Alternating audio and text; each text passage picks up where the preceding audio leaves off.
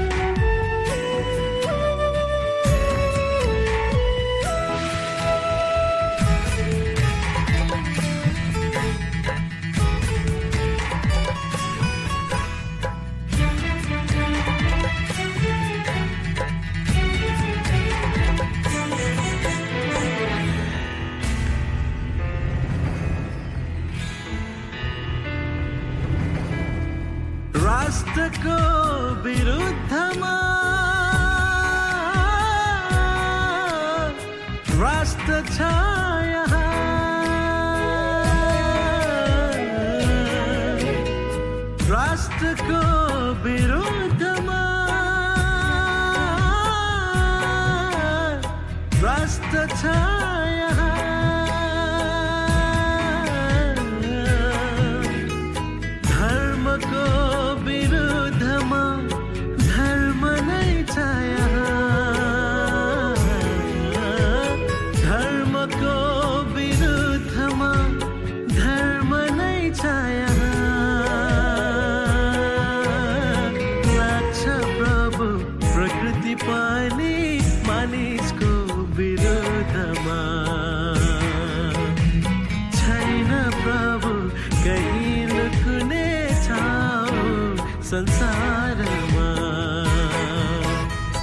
बचाउनु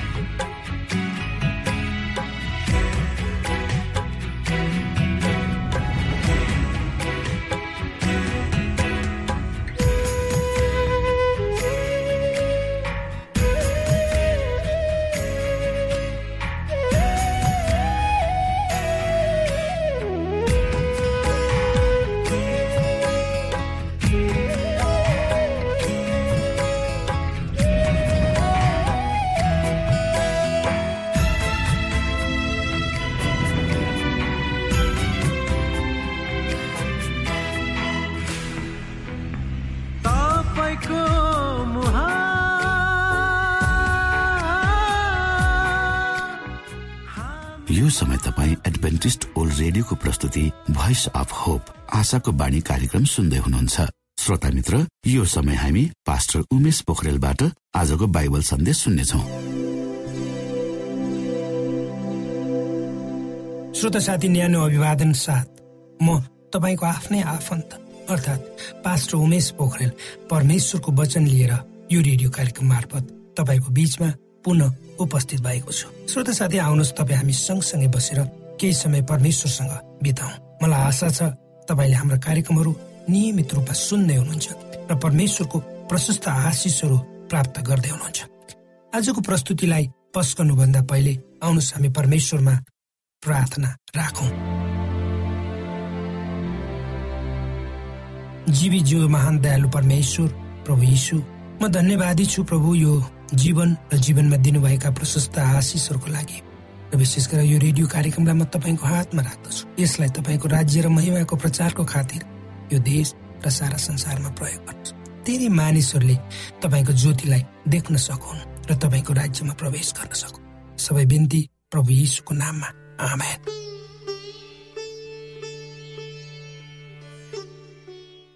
श्रोत साथी अमेरिकाका एउटा भूतपूर्व राष्ट्रपतिले एकचोटि यसो भनेको यसो भने उनको लागि सफलता कुनै पनि शक्ति मान। उनको लागि सफलता कुनै पनि शक्ति भाग्य र मानद्वारा मापन गर्न सकिन्न। उनको अनुसार अरूहरूको सेवामा समर्पित जीवन नै सफल जीवन हो। यो भनाइले हामीलाई आफूभन्दा बाहिर निस्केर हेर्ने अधिकार दिन्छ वा हेर्ने हेर्न अभिप्रेरित गर्दछ। एक प्रख्यात समाज सेविका र शैक्षिक विज्ञ मेरी मोरैलका अनुसार मानिसले अरूहरूको निम्ति आफूलाई समर्पित गरेर जब आफ्नो जीवनलाई सेवामा लगाउँछ तब उसको जीवनमा उसले धेरै किसिमले शारीरिक एवं मानसिक फाइदाहरू प्राप्त गर्छ र उसले प्रशस्त आशिषहरू पनि प्राप्त गर्दछ। जब तपाईँ हामीले अरूहरूको जीवनलाई चलाउन अथवा अरूहरूसँगको सम्बन्धमा सहानुभूति सहयोग र सद्भावना साथ आफ्ना सेवाका हातहरू बढाउँछौँ तब हाम्रो मानसिक स्वास्थ्य राम्रो हुन्छ। मानिसहरू बाँच्नको निम्ति एक अर्कामा भर पर्छन्।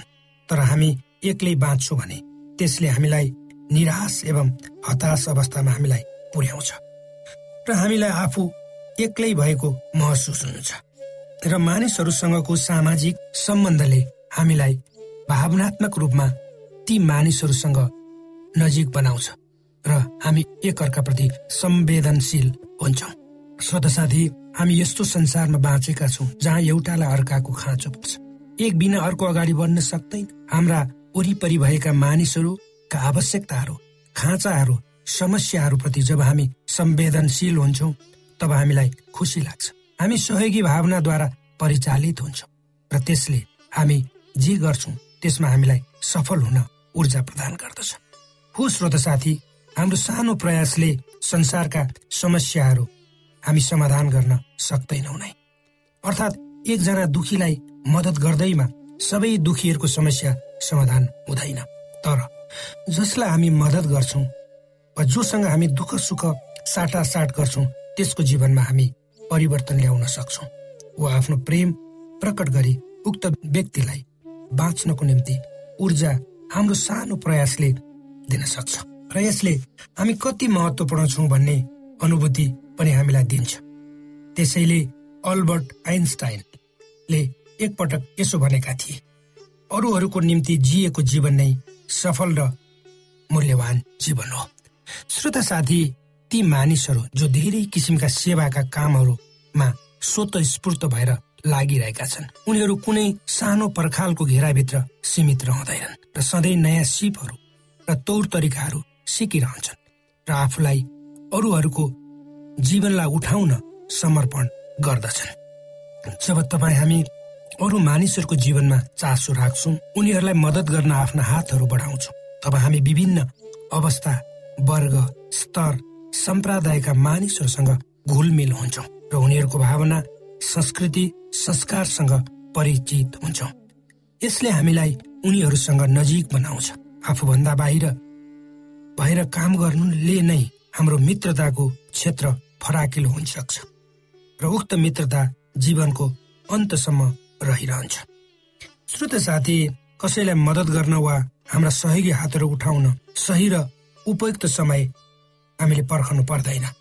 तपाईँ जहाँ हुनुहुन्छ जस्तो अवस्थामा यदि तपाईँको चेतनाले कसैलाई सहयोगको खाँचो भएको अनुमान अनुभव गर्छ भने आफ्ना सहयोगी हातहरू त्यहाँ सेवाको निम्ति पसार्नुहोस्। यो अवसर तपाईँ हामीलाई घरमा काम गरिरहँदा घर बाहिर बाटोमा हिँड्दै गर्दा वा आफ्नो कार्यालयमा काम गरिएको बेला पनि प्राप्त हुन सक्छ। त्यो बेला तपाईँ जे गरिरहनु भएको छ त्यसलाई केही समयसम्म छोडेर आवश्यकतामा परेको जो कोही किन नहोस् त्यसलाई आफ्ना सहयोगी हातहरू बढाउनुहोस्। मानव तपाईँको छिमेकी जोसँग तपाईँको केही महिनादेखि कुरा भएको छैन त्यसको घरमा जान सक्नुहुन्छ। उसलाई चाहिएको मद्दत गर्न सक्नुहुन्छ। वा गरिब बच्चाहरूको शिक्षाको निम्ति घर घरमा गएर थोरै भए पनि पैसा उठाउन सक्नुहुन्छ। तपाईँ हतारमा हुनुहुन्छ। कतै जाँदै हुनुहुन्छ बाटोमा एउटा मानिस लडेको देख्नुहुन्छ। तब उक्त मानिसलाई अस्पतालसम्म पुर्याउन सक्नुहुनेछ। यस्ता धेरै सेवा र मानवताका कार्यहरू हाम्रा जीवनका प्रत्येक क्षण र पाइलामा हामीले दिन प्रतिदिन देख्छौँ। श्रोत साथी मलाई एउटा कथाको स्मरण हुन्छ यो मेरो जीवनमा घटेको घटना त होइन तर कसैको अनुभवको कथा हो। एक दिन एकजना महिला आफ्नो गाडी चलाएर कतै जाँदै थिइन्। परैबाट सडकको बीच भागमा एउटा चरो उभिएको उनले देखिन्। आफ्नो गाडीको गति कम गर्दै आइन् र उनलाई विश्वास थियो जब उनको गाडी त्यो चरा भए अगाडि आउने बित्तिकै उक्त चरा उड्नेछ तर त्यसको ठिक उल्टो उक्त चरा उडेन। उनले आफ्नो गाडी रोकिन् र गाडीबाट ओर्लिन्। जब उनी आफ्नो गाडीबाट ओर्लिन् र उक्त चरा सडकको एउटा छेउमा गएर उभियो। उनी त्यसलाई उनलाई लाग्यो उक्त चराले उनलाई केही भन्न खोज्दैछ। उनी सडकको किनारमा गइन् जहाँ त्यो चरा उभिएको थियो। उनीतिर हेर्दै र उक्त चराको अगाडि अर्को चरा लडिरहेको थियो। हुन सक्छ ती दुवै चरा बिच ती दुवै चरा श्रीमान श्रीमती दाजु बहिनी थिए वा साथी थिए र सडकको छेउमा लडिरहेको चरा मरेको थियो र सडक बीचमा उभिने चराले मदत माग्नको निम्ति उनको गाडी रोक्यो र आफ्नो प्रेमिका साथी वा बहिनी वा भाइ मरेको ठाउँमा लग्यो र भन्न चाहन्थ्यो कि उसलाई बचाओ। त्यो चराको अव्यक्त भाषाले ती महिलाको हृदय कुडियो। उनी रोइन् र त्यहाँबाट विदा भइन्। एउटा चराले अर्को चराप्रतिको प्रेमलाई कसरी प्रकट गर्यो? र एउटा चराले अर्को चरालाई कसरी मद्दत गर्न कोसिस गर्यो। तर हामी त मानिस।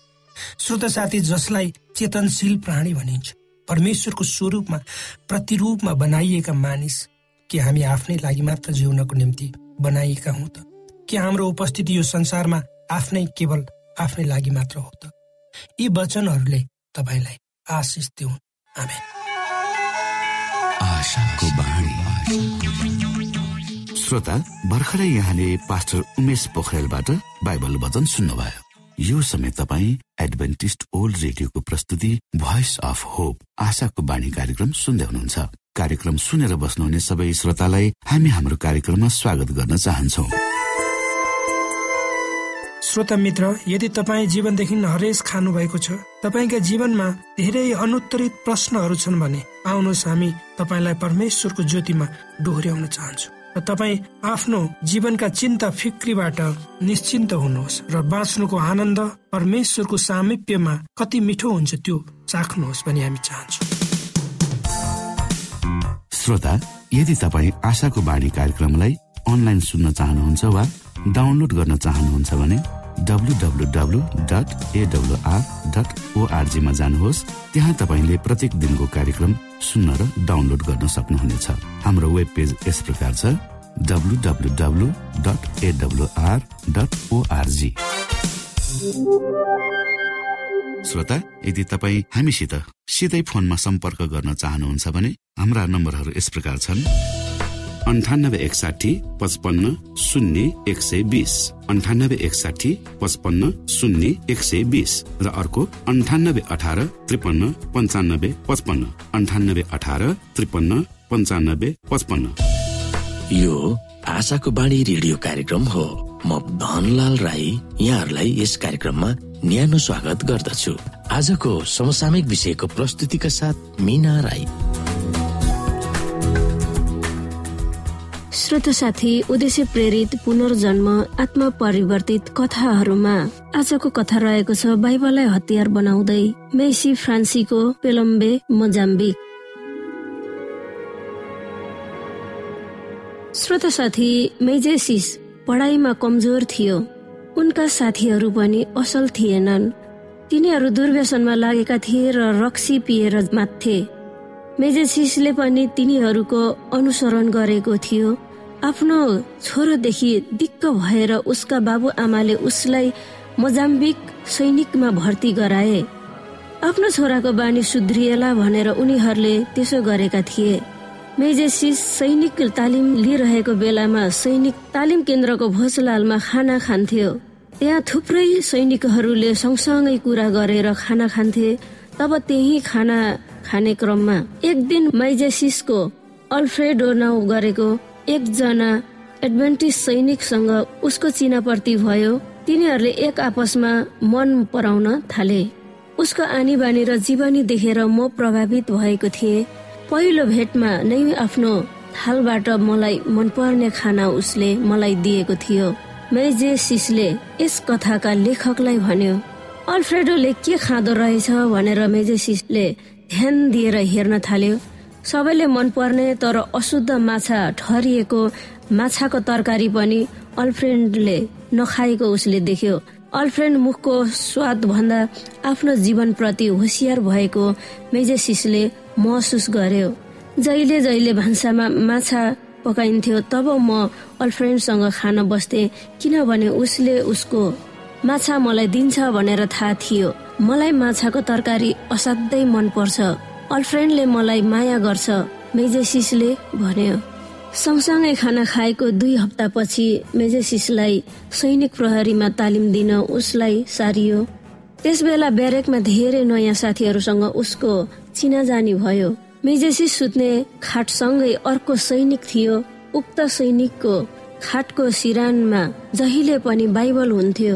मैजेसिस सुत्ने र उठ्ने बेलामा सैनिक साथीको सिरानमा जहिले पनि बाइबल भएको उसले देख्दथ्यो। त्यो देखेर मलाई अचम्म लाग्यो किनभने बाइबल भनेको केवल पास्टर र बुढापाकाहरूको निम्ति मात्रै हो तर यस जवानहरूको निम्ति त होइन। त्यस जवान सैनिकसँग बाइबल भएको नसुहाएको मैले ठानेको थिएँ। निधार खुम्च्याउँदै माइजेसिसले भन्यो एक दिन त अत्यन्तै खुल्दुली लागेर त्यस सैनिक साथीलाई पास्टर नभए तापनि किन बाइबल पढेको भनेर म्याइजेसिसले सोध्यो। म इसाई हुँ त्यस सैनिकले जवाफ दियो हो र? के तपाईँले परमेश्वरलाई विश्वास गर्नुहुन्छ? मेजेसिसले सोध्यो। आफूले परमेश्वरलाई विश्वास गरेको प्रतिबद्धता देखाउँदै युहना नौको सोह्रको पद उसलाई सुनायो। त्यसमा लेखिएको छ परमेश्वरले संसारलाई यति धेरै प्रेम गर्नुभयो कि उहाँले आफ्नो एकमात्र पुत्र पठाउनु भयो जसले उहाँलाई विश्वास गर्छ कोही पनि नाश हुने छैन तर अनन्त जीवन पाउनेछ मेजेसिसले उक्त सैनिक साथीसँग उसको बाइबल पढ्न दिन अनुरोध गर्यो। मेजेसिसले पनि बाइबल पढ्न थाल्यो र परमेश्वरलाई विश्वास गर्न पुग्यो। उसको बाबु यो सुनेर मेजेसिससँग धेरै खुसी भएर आफ्नो छोरालाई नयाँ बाइबल उपहार स्वरूप दिए। श्रोता साथी जब सैनिक तालिम सकियो तब मेजेसिस आफ्नो पहिलाको सैनिक ब्यारेकमा फर्क्यो र सैनिक पुलिस अफिसरको रुममा काम गर्न थाल्यो। एक दिन ब्यारेकमा मेजेसिसले बाइबल पढिरहेको एकजना आइतबार पालन गर्ने इसाईले देख्यो। र भन्यो प्रत्येक दिन बेलुका छ बजे बाइबल अध्ययन गर्ने समूह मलाई थाहा छ। तिमीले चाहे म तिमीलाई त्यहाँ लान सक्छु। त्यस दिन बेलुका मेजेसिसलाई त्यस सैनिक साथीले बाइबल अध्ययन गर्ने समूह कहाँ पुर्यायो? तर त्यस अध्ययनबाट फर्केपछि मेजेसिस अलमल्लमा परेको त्यस आइतबार पालन गर्ने सैनिक इसाईले महसुस गर्यो। मलाई अर्को बाइबल अध्ययन गर्ने समूह पनि थाहा छ। तिनीहरू पनि छ बजी बेलुका बाइबल अध्ययन गर्छन् तर मलाई तिनीहरू मन पर्दैन। त्यही पनि तिमीले चाहे तिनीहरू कहाँ म भोलि लगिदिन्छु उक्त इसाई सैनिक साथीले मेजेसिसलाई भन्यो तपाईँले तिनीहरूलाई किन मन नपराउनु भएको? इसाईहरूको बिचमा पनि मन पर्ने मन नपर्ने हुँदो रहेछ भनेर झन अकमक्क पर्दै मेजेसिसले सोध्यो किनभने तिनीहरूले मेरो चर्चको बारेमा चर्चा गर्छन् जुन मलाई मन पर्दैन उसले जवाफ दियो। अर्को साँझमा मेजेसिस एडभेन्टिसहरूको बाइबल अध्ययन समूहमा सम्मिलित हुन पुग्यो। त्यस समूहको अगुवाको नाउँ मेजेसिसको भएको थाहा पाएर उसलाई छक्क लाग्यो। अझ उसले त मेजेसिसको अल्फ्रेन्डोसँग बाइबल अध्ययन गरेपछि बत्तिस लिएको थाहा पाएर झन तीन छक्क पर्यो। मेजेसिस पहिलो पल्ट एडभेन्टिसहरूले सञ्चालन गरेको बाइबल अध्ययनमा समावेश हुँदा तिनीहरूले मलाकीको पुस्तक अध्ययन गर्दै थिए। त्यसबेला तिनीहरूको अध्ययनको विषयवस्तु मलाकी तिनको आठ थियो। जहाँ प्रभुले भन्नुहुन्छ के मानिसले परमेश्वरलाई ठग्छ त? हो तिमीहरूले मलाई ठगिरहेका छौ। तर तिमीहरूले भन्लान् होइन प्रभु तपाईँलाई हामीले कसरी ठगिरहेका छौ? तिनीहरूले दशांश र भेटी नदिँदा मलाई ठगेको म ठान्दछु। श्रोता साथी मेजेसिसले कहिल्यै पनि दशांश दिएको थिएन र यो सुनेर उसको मुटु काम्यो। अर्को दिन बाइबल अध्ययन गर्ने त्यही समूहमा ऊ फर्केर आयो। त्यस दिनको बाइबल अध्ययनमा हप्ताको सातौं दिन साबतको बारेमा थियो। त्यस रात जब मेजेसिस आफ्नो ओछ्यानमा सुत्न आयो तब ऊ रुन थाल्यो। त्यो देखेर सँगै रहेको सैनिक पुलिस अफिसरले उसलाई सोध्यो होइन तिमीलाई कसले कुट्यो र यसरी रोइरहनु भएको? त्यसलाई हामी ठिक पार्छौ। तर त्यस सैनिक पुलिसलाई केही थाहा थिएन। भन्ने मेजेसिसलाई कुनै मानिसले पनि कुटेको थिएन। तर परमेश्वरको वचनले उसको हृदय छिया छिया पारेको थियो। अर्को साबत मेजेसिस नयाँ साथीहरूसँग नौ माइल वा चौध किलोमिटर हिँडेर नजिकको एडभेन्टिस चर्चमा हिँडेर गयो। त्यहाँ उसले पहिलो पल्ट आफ्नो दशांश दियो। त्यसपछि प्रत्येक साबत ऊ चर्च जान थालेर बाइस वर्षको उमेरमा उसले बत्तिसमा लियो। यो कदम उसले सेनामा भर्ती भएको दुई वर्षपछि चालेको थियो। सैनिक सेवापछि मेजेसिसले प्रहरीमा काम गर्न थाल्यो तर साबतमा पनि काम गर्नु परेकोले त्यो काम उसले छाड्यो। अनि ऊ घर घरमा गएर बाइबल र स्वास्थ्य सम्बन्धी पुस्तकहरू बेच्न थाले त्यसपछि उनी मोजाम्बिक एडभेन्टिस विश्वविद्यालयमा अध्ययन गर्न भर्ना भयो। आज बत्तीस वर्षको मेजेसिस विश्वविद्यालयमा धर्म दर्शन शास्त्र अध्ययन गर्दैछ। यो अध्ययन गरेको तीन वर्ष हुँदैछ मेरो बुबाले मेरो बानी बदल्न सैनिक सेनामा भर्ना गराउनु भयो तर परमेश्वरको त झन ठुलो योजना भएको मैले देख्न पाए। म इसाई भएको उहाँ चाहनु हुँदो रहेछ। अत्यन्त हसिलो अनुहारमा मेजेसिसले यस कथाका लेखकलाई व्यक्त गर्यो।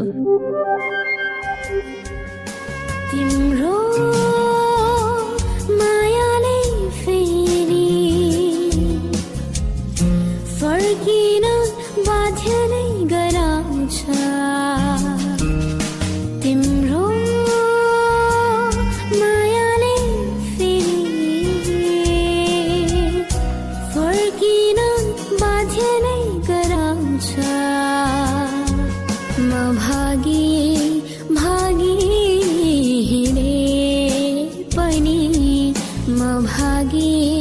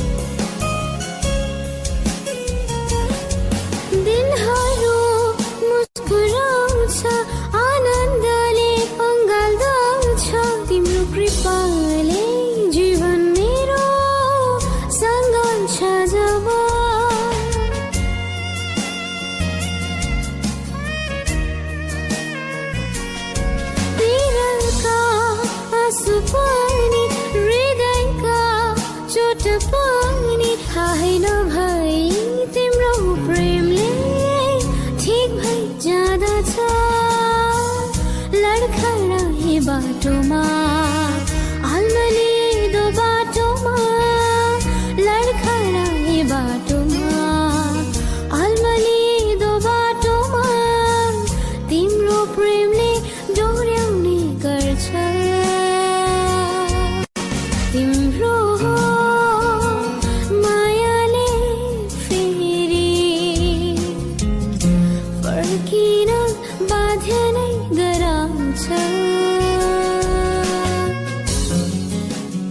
यो समय तपाईँ एडभेन्टिस्ट ओल्ड रेडियोको प्रस्तुति भोइस अफ होप आशाको बाणी कार्यक्रम सुन्दै हुनुहुन्छ।